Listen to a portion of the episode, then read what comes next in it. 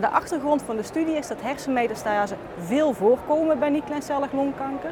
Maar dat studies met immunotherapie vaak patiënten met hersenmetastase volledig uitsluiten of alleen toelaten indien ze bestraald zijn, asymptomatisch zijn en een lage dosis corticosteroïden hebben.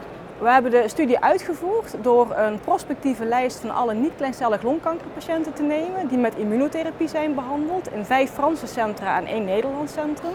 Daar hebben we retrospectief de klinische en radiologische data aan toegevoegd. En we hebben gekeken of de uitkomsten van patiënten met hersenmetastase voor start van immunotherapie verschillend waren ten opzichte van degene zonder hersenmetastase voor immunotherapie. De belangrijkste resultaten waren dat we ruim 1000 patiënten hebben gescreend. Daarvan hadden 255 patiënten hersenmetastase en 770 hadden geen hersenmetastase. De hersenmetastase hebben we onderverdeeld in actief, stabiel en onbekend. Actief betekent nieuwe metastase uh, die onbehandeld zijn voor start van immunotherapie, lokaal dan. Of patiënten met groeiende hersenmetastase die lokaal onbehandeld waren. Ruim 100 patiënten hadden actieve hersenmetastase, ruim 100 patiënten hadden stabiele hersenmetastase en 34 patiënten hadden een onbekende hersenmetastase status. Als je naar de baseline karakteristieken kijkt, dan zie je wat je verwacht voor patiënten met hersenmetastase.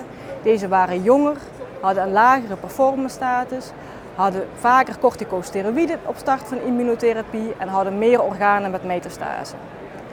Als je naar de belangrijkste uitkomsten kijkt, is dat de overal responsrate door de onderzoeker gemeten niet verschillend was tussen de twee groepen, ruim 20% Dat de responsrate cerebraal bij degene met actieve metastase, dus meetbare metastase, ook rond de 20% lag.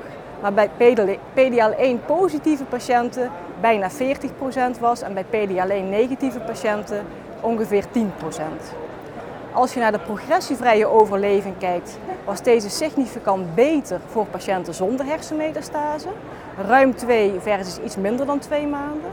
Als je naar de mediane overleving kijkt, was deze ook beter voor patiënten zonder hersenmetastase.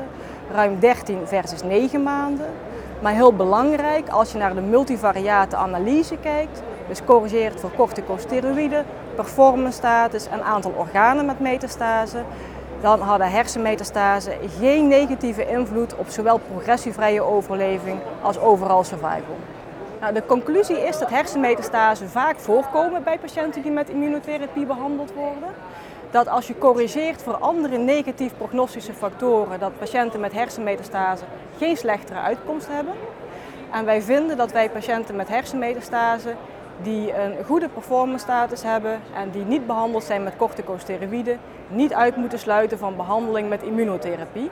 Hoewel patiënten, wat ik nog niet verteld had, wel vaker progressief zijn cerebraal, dus je moet ze cerebraal wel goed in de gaten houden.